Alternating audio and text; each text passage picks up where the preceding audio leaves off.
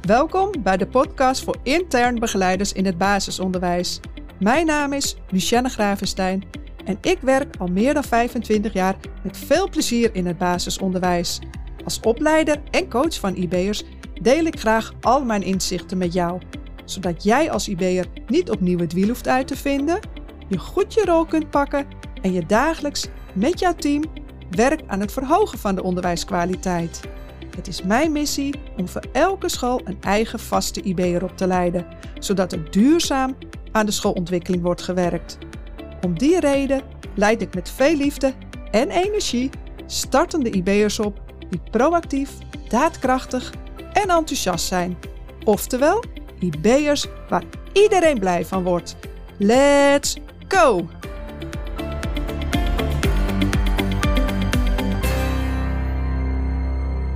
Fijn dat je weer luistert naar de podcast Pak je rol als intern begeleider. De podcast voor intern begeleiders in het basisonderwijs. De afgelopen week heb ik weer twee intervisiedagen voor de startende IB'ers van de nieuwe IB-opleiding mogen verzorgen. En wat was het tof om elkaar naast het online werken weer live te ontmoeten. Aangezien ik na deze intervisiedagen zelf ook altijd met nieuwe inzichten naar huis ga, dacht ik, misschien is het wel waardevol om in deze podcast mijn inzichten met je te delen. Tijdens de intervisiedagen werd namelijk weer glashelder hoe groot de impact van een enkel woord, een blik of een gebaar kan zijn. En hoe dit ervoor zorgt dat een gesprek, dat in eerste instantie soepel en naar wens verloopt, ineens muurvast komt te zitten waardoor je direct uit contact gaat en je in het ergste geval lijnrecht tegenover elkaar komt te staan. Zeker in gesprekken met ouders die veel zorgen om hun kind hebben, die bijvoorbeeld midden in een acceptatieproces zitten, wil je dit uiteraard het allerliefst voorkomen. Denk je nu intervisiedagen van de nieuwe IB-opleiding? Kijk dan even in de show notes want daar staat de link naar de website van de nieuwe IB-opleiding en vind je meer informatie over deze IB-opleiding. Oké, waar was ik gebleven? Oh ja, dat je wilt voorkomen dat een gesprek vast komt te zitten en je lijnrecht tegenover elkaar komt te staan.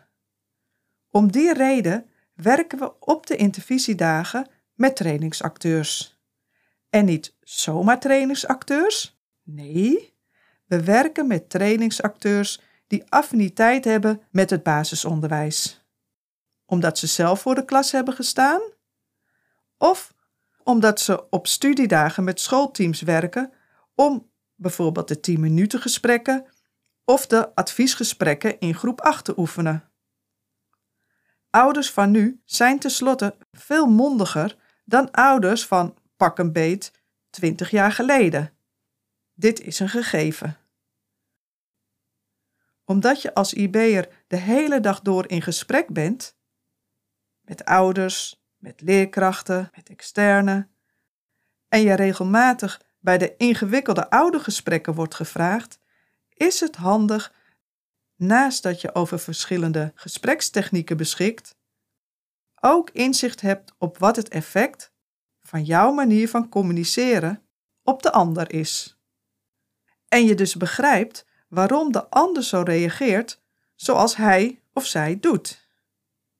Als je dit weet, dan kun je jouw wijze van communiceren aanpassen en onaangename gesprekken voorkomen. Want communicatie luistert heel nauw. Zoals ik al zei, een enkel woord, blik of gebaar kan een gesprek in één keer vastzetten.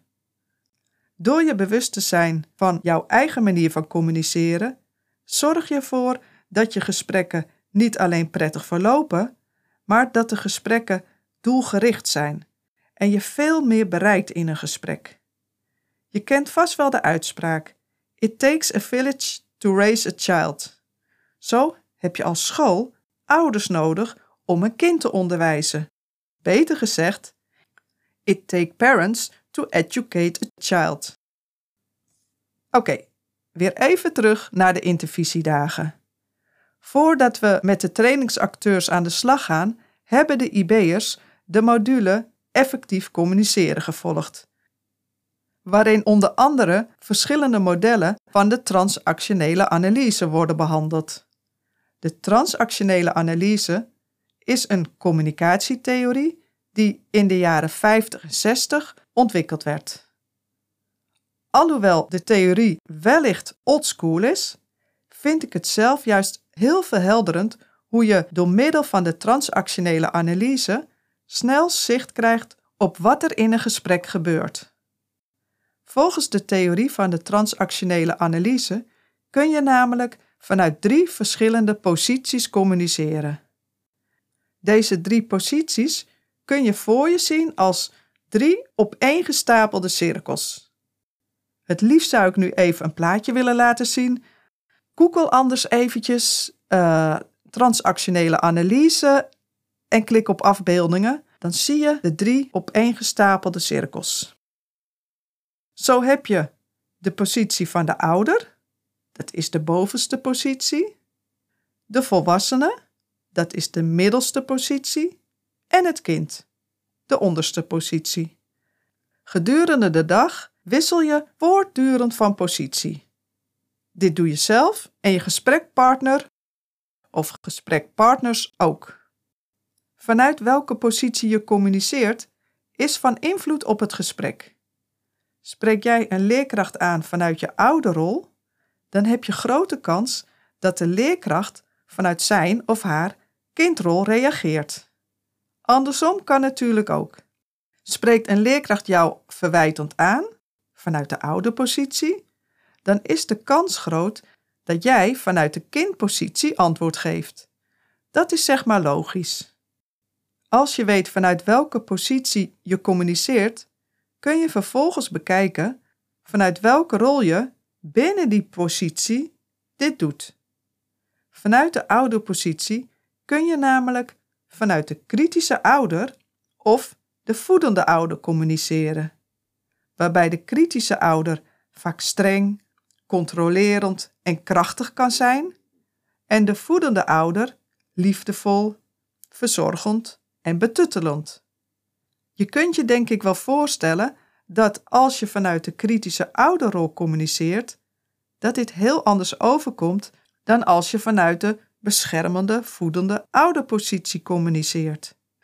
Een leerkracht vraagt bijvoorbeeld vanuit haar kritische ouderrol of je morgenmiddag bij een oudergesprek aanwezig kunt zijn. En jij als IB'er reageert vanuit je kindrol met een zielige slachtoffertoon. Dat je het al zo druk hebt en dat je niet weet waar je de tijd vandaan moet halen als startend IB'er, omdat iedereen iets van je wil. Je kunt je vast voorstellen dat die reactie weer effect heeft op de leerkracht. De leerkracht kan daar reageren vanuit de kritische ouder. Ja, maar luister, daar ben je als IB'er toch voor? Ga anders voor de klas staan.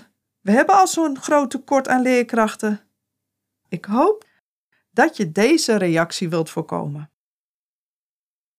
Vanuit de kindpositie kun je ook vanuit twee rollen communiceren. De rol van het aangepaste kind, het kind dat gehoorzaam en vriendelijk is, en de rol van het vrije kind. Het vrije kind dat energiek is en grenzeloos. Je kunt je vast voorstellen dat het heel anders is als je met een collega in gesprek bent vanuit jouw aangepaste kindrol dan vanuit de rol vanuit het vrije kind. Dit maakt een wereld van verschil en dit verschil bepaalt het effect op de ander en hoe er op jou wordt gereageerd.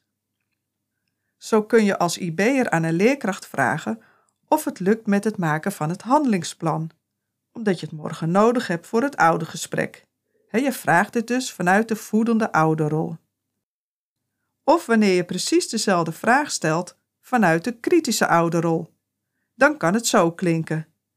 Uh, hey, wanneer krijg ik nou dat handelingsplan? Want ik heb het morgen nodig en je zou het mij vorige week al geven. In het eerste voorbeeld, dus die van de voedende ouder, geef je de leerkracht onbewust veel ruimte om te ontsnappen en op te gaan noemen dat dit niet meer lukt Ja, want uh, het is al zo druk en uh, ik moet dit nog doen en dat nog doen. Bla bla bla bla. De leerkracht is dan vooral aan het klagen vanuit de rol van het aangepaste kind. En in het tweede voorbeeld, dus vanuit de kritische ouder, is de kans groot dat de leerkracht aangeeft dat zij daar nu geen tijd voor heeft. En dit ook niet van plan is om te gaan doen, omdat dit jouw taak is. Dus kun je zeggen dat de leerkracht grenzeloos en egocentrisch reageert. Als eerste kijk je vanuit welke positie je communiceert. Vanuit de ouder, de volwassene of de kindpositie. En vervolgens bepaal je binnen die positie vanuit welke rol je communiceert. In alle gevallen wil je het liefst vanuit de volwassene positie communiceren. Dus op een rustige toon, al vragen stellend, belangstellend, nieuwsgierig, oplossingsgericht en professioneel. Dus merk je dat een gesprek stroef of onaangenaam verloopt, dan kun je snel in je hoofd de verschillende posities langslopen om zo te checken vanuit welke positie je communiceert. Om vervolgens te kijken vanuit welke positie en rol de ander daarop reageert. Zo kun je dus bewust kiezen om vanuit een andere rol te communiceren, waardoor je direct merkt dat dit effect heeft op de communicatie en het gedrag van de ander. De transactionele analyse is dus een heel handig middel om zicht te krijgen op wat er precies gebeurt in een gesprek. En weet je wat je kunt doen om dit te veranderen, zodat het gesprek weer vlot getrokken wordt en iedereen weer tevreden het gesprek verlaat. Maar niet alleen de positie en de rol van waaruit je communiceert is bepalend op het verloop van het gesprek. Je kunt in een gesprek ook getriggerd worden door een enkel woord, een blik of gebaar. Zo bleek tijdens het oefenen met de trainingsacteurs dat er steeds heel subtiel en vooral heel onbewust het juffenvingertje werd ingezet. En wat is dat dan, het juffenvingertje? Het juffenvingertje is het wijzen met je wijsvinger wat je als leerkracht vaak de hele dag door doet. Het wijzen met je wijsvinger is namelijk heel effectief om op een snelle manier groepjes te formeren. Hup, 1, 2, 3. Jullie drie zijn samen een groepje. Of wanneer de leerkracht leerlingen de beurt wilt geven tijdens de instructie. Voor een leerkracht is het juffenvingertje dus een heel effectief en efficiënt hulpmiddel. Maar als je als IB'er het juffenvingertje inzet om het doel van het gesprek kracht bij te zetten, dan kun je de ander zo triggeren dat het juist averechts werkt. Je kunt een gesprek dan nog zo zorgvuldig vanuit de verschillende posities hebben opgebouwd, je komt dan alleen maar verder van je doel af te staan. Met andere woorden, als het juffenvingertje tijdens het oefenen werd ingezet, deed de trainingsacteur vooral niet wat er van haar gevraagd werd.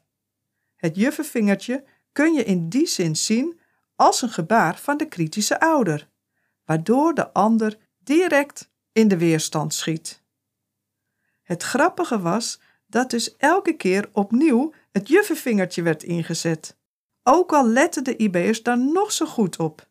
Het juffenvingertje zit blijkbaar in ons DNA. Dus ben je in gesprek met een leerkracht en denk je: hè, wat gebeurt er nu? Loop dan niet alleen denkbeeldig de verschillende posities af, maar check ook even of je wellicht, geheel onbewust, het juffenvingertje hebt ingezet. Oké, mocht je nu gevraagd zijn om IB'er te worden, of ben je op zoek naar een volgende stap na jaren voor de klas te hebben gestaan, kom dan ook een keer geheel vrijblijvend naar de online open dag van de nieuwe IB-opleiding. Dus kijk even in de show notes, daar staat de link naar de online open dag en kun je jezelf inschrijven. Tot slot wil ik je weer bedanken voor het luisteren naar mijn podcast. Deel de podcast vooral met je collega's. hè, zodat meer startende IB's hier een voordeel mee kunnen doen. Uiteraard ben ik je hier heel dankbaar voor. Dan wens ik je een fijne dag en tot ziens.